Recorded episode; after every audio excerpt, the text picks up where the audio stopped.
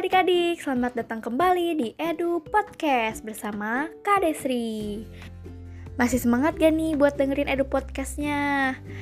Eh ngomong-ngomong kakak ingin berterima kasih nih untuk kalian yang sudah bersedia untuk mendengarkan Edu Podcast ini dari episode pertama sampai nanti di episode terakhir Nah, adik-adik masih membahas mengenai kegiatan ekonomi. Sebelum kakak bahas mengenai mata pencaharian masyarakat daerah pantai, kakak ingin mengabsen masyarakat yang tinggal di daerah dataran tinggi dan pegunungan dulu ya. Ayo, penasaran kan? Apa saja sih mata pencaharian masyarakat di daerah tersebut? Kepo kan? Yuk simak baik-baik ya. Oh iya, di episode sebelumnya kakak sudah sampaikan bahwa penduduk di suatu daerah cenderung memanfaatkan kekayaan alam di daerah tempat tinggalnya untuk memenuhi kebutuhannya. Nah, sekarang coba kita perhatikan sumber daya alam di sekitar dataran tinggi dan pegunungan. Kira-kira apa ya? Yang pertama, ada sumber mata air. Karena wilayah dataran tinggi memang menjadi titik hulu bagi beberapa sungai yang mengalir hingga ke dataran rendah.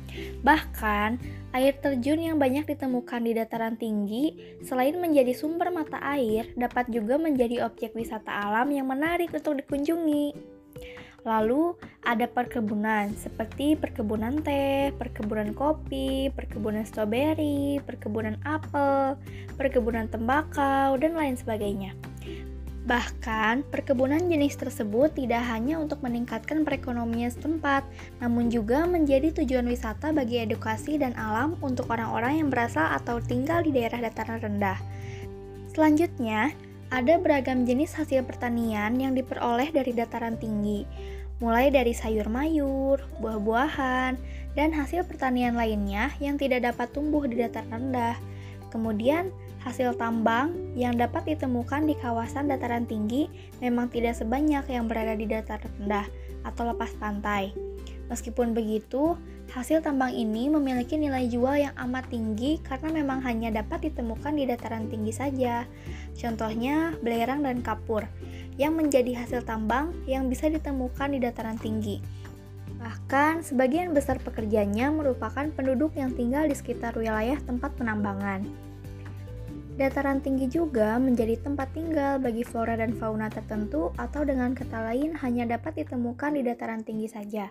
Tidak heran jika flora dan fauna tersebut termasuk ke dalam kategori dilindungi karena memang menjadi endemik dataran tinggi.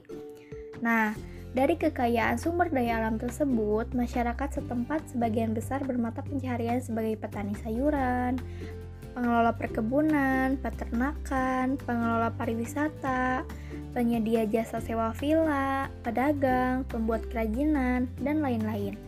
Nah, ternyata beragam kan? Karena memang kita harus memanfaatkan sumber daya alam yang kita miliki sebaik mungkin. Itulah adik-adik pembahasan mengenai mata pencaharian masyarakat dataran tinggi. Semoga menambah wawasan kalian ya. Selanjutnya kita bahas di mana lagi ya?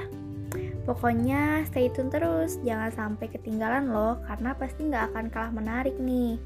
Sampai jumpa di next episode, bye-bye!